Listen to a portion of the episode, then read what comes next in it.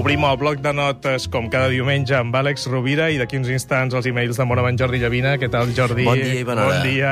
Bé. Mira, l'Àlex Rovira ens parlarà del Cairós o del temps apreciatiu. Eh? És això que tu intentes buscar tant, tots intentem buscar tant, i no sé si ho trobem. Oi, Àlex Rovira, què tal? Molt bon dia. Molt bé, doncs mira, ara mateix jo crec que tots estem tenint un, un bon moment apreciatiu, Gaspar eh, i Jordi, perquè fa dues temporades vam parlar del, del Cairós, no? I pensava aquests dies que potser era important fer un petit repàs d'aquest concepte tan interessant i sovint tan oblidat a la nostra societat, no? Um, a l'estructura temporal de la nostra civilització, normalment solem emplear només una paraula per significar el temps. Però els grecs clàssics tenien dos, cronos i kairos. D'alguna manera, cronos és, el, és la mesura del temps que nosaltres utilitzem ara, el temps del rellotge, el temps que podem mesurar. Però kairos fa referència al moment just. No és el temps quantitatiu, eh, ens el temps qualitatiu de l'ocasió. És, d'alguna manera, i aquí volíem arribar, no? l'experiència del moment oportú. De fet, Gaspar, tots eh, experimentem a la nostra vida de vegades la sensació de que ha arribat un moment adequat per dur a terme alguna cosa, no? Potser perquè ens sentim madurs, potser perquè ens sentim prou preparats i forts eh, psicològic o emocionalment, eh, i podem prendre una, una decisió determinada. I, de fet, en la psicologia, i acabem d'escoltar el Claudio, no?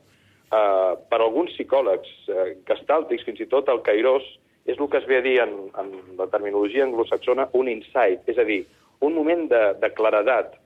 I en l'espai temporal, fins i tot, eh, s'utilitza el concepte Cairós per definir el moment de l'epifania, que la seva etimologia vol dir un moment miraculós, o de la il·luminació, fins i tot, no? El moment de la introspecció, el moment del creixement de l'ànima, del contacte amb, amb l'ésser, no? I és, penso que és interessant saber que podem nombrar aquesta qualitat del temps. D'alguna manera, Jordi Llavina, o sigui, la poesia s'alimenta del Cairós, no? Sí, eh, però és que el, el, jo crec que l'Àlex eh, està enfocant un tema essencial que ja va enfocar el, el filòsof Berson quan, quan parlava de la duració, és a dir, el, el temps cronològicament cronometrable i el temps tal com el vivim. És, és evident que la nostra vida pot durar 80 anys o 45, però que hi ha moments de la nostra vida que tindrien una duració eh, molt més llarga que no pas l'habitual, no? I la poesia es nodreix d'aquestes epifanies, es nodreix d'aquests moments que en diuen de vegades fora del temps, no? Exactament, exactament, Jordi. De fet, els pitagòrics, el Cairós, el traduïen per oportunitat. Mm -hmm. És a dir, Cairós és el temps en potència, és el temps atemporal o etern, mentre que el temps, el cronos, és el, el moviment. Però sense el Cairós, i aquí anem a la pregunta que feia Gaspar i a la teva resposta brillant, és a dir, eh, el Cairós és el temps de la creació, fonamentalment. Quan nosaltres estem creant, estem connectant amb la dimensió del Cairós del temps. I amb una altra excepció molt interessant, Cairós també vol dir la, el riure oportú que ens fa sentir bé, l'alegria, eh, l'espontaneïtat, connectar amb el sentiment essencial, amb la nuor, amb la puresa, amb el ser, no? amb l'ésser, no?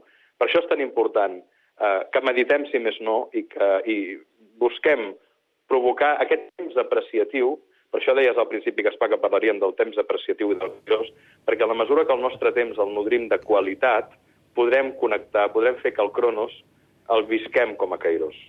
Tant de bo ens quedem amb aquest punt del bloc de notes de l'Àlex Rovira de cada diumenge a l'Ofici de Viure. A veure si el podem desenvolupar aquesta setmana. Àlex, moltíssimes gràcies, que tinguis molt bona setmana. Fins diumenge, una, una forta abraçada. Una forta abraçada.